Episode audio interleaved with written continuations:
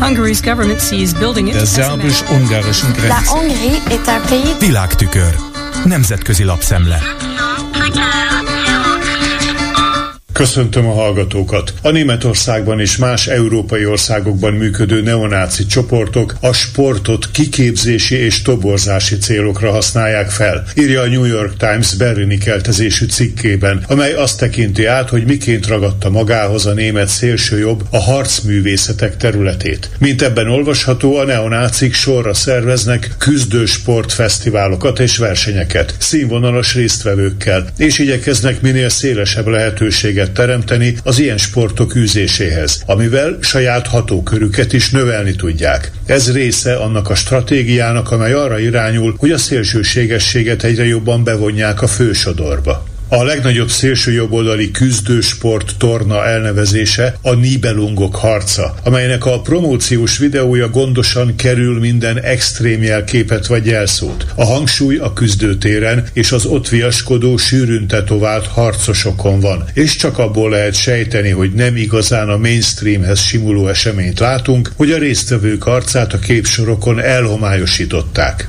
A Nibelung harcokat szervező csoport, amely egyébként, mint a New York Times írja, átköltözött Magyarországra, miután 2019-ben a lengyel határ mentén fekvő Ostritz városából kitiltották őket, saját YouTube bemutatkozása szerint olyan fiatal németekből áll, akik lelkesednek az általuk művelt sportágért, és nem akarják az uralkodó mainstream igájába hajtani a fejüket. A Német Szövetségi Ügyészség ugyanakkor tud olyan szerveződésről is, Knockout 51-nek nevezik magukat, amely nacionalista gondolkodású fiatalokat kifejezetten a rendőrséggel való fizikai szembefordulásra készít fel. Hasonló szerveződések megtalálhatók szerte Európában és az Egyesült Államokban is. Egy szakértő szerint például csak Franciaországban 23 szélsőjobbosnak minősíthető harcművészeti klub működik.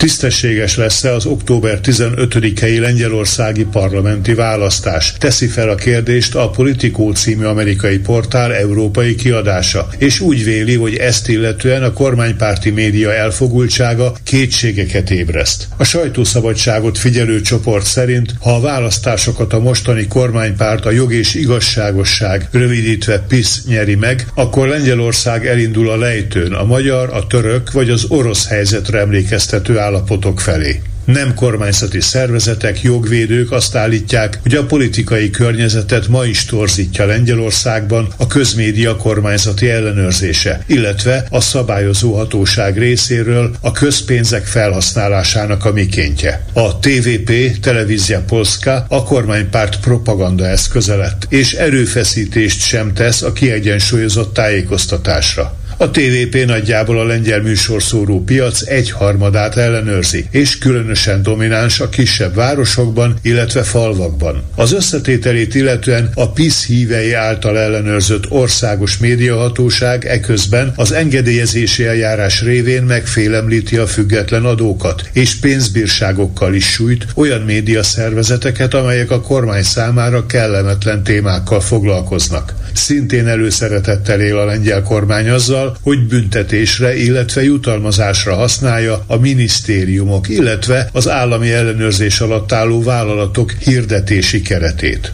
A média fölött gyakorolt ellenőrzés, írja a politikó, kifizetődik a kormányzó pártnak. Így például a 2020-as elnökválasztáson a PISZ által támogatott Andrzej Duda csak nagyon szoros versenyben győzte le az ellenzék jelöltjét, Rafal Trzaskowskit, és a kampányban a közmédia teljes hangerővel Dudát népszerűsítette. Az elfogult tájékoztatás továbbra is súlyos aggodalomra ad okot, idézi a portál a választás után készült EBESZ jelentést.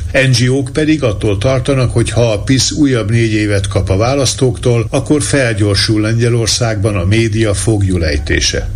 A Bécsi Dél Standard a szeptember 30-ai parlamenti választásra készülő Szlovákia politikai helyzetét tekinti át, és megállapítja, újra itt van Robert Fico, és erősen oroszpárti nyugatellenes választási kampányt folytat. Fordíthatnak-e még a demokratikus erők? Erre a kérdésre keresi a választ a cikk. Az elemzés meglehetősen borulátó. A szerző emlékeztet arra, hogy Oroszország soha nem élt olyan ellenségképként a szlovákok tudatában, mint mint például a csehekében. A mai Szlovákiában pedig megszámlálhatatlan kispárt létezik egymás hegyén hátán, kaotikus módon, és ezek jobbára pusztán az egyes politikusok egójára támaszkodhatnak, konkrét pártprogram hiányában. Ebben a közegben Ficó az egyetlen, aki azzal a szimpla ígérettel tud az emberekhez fordulni, hogy az államot erős kézzel kivezeti a káoszból.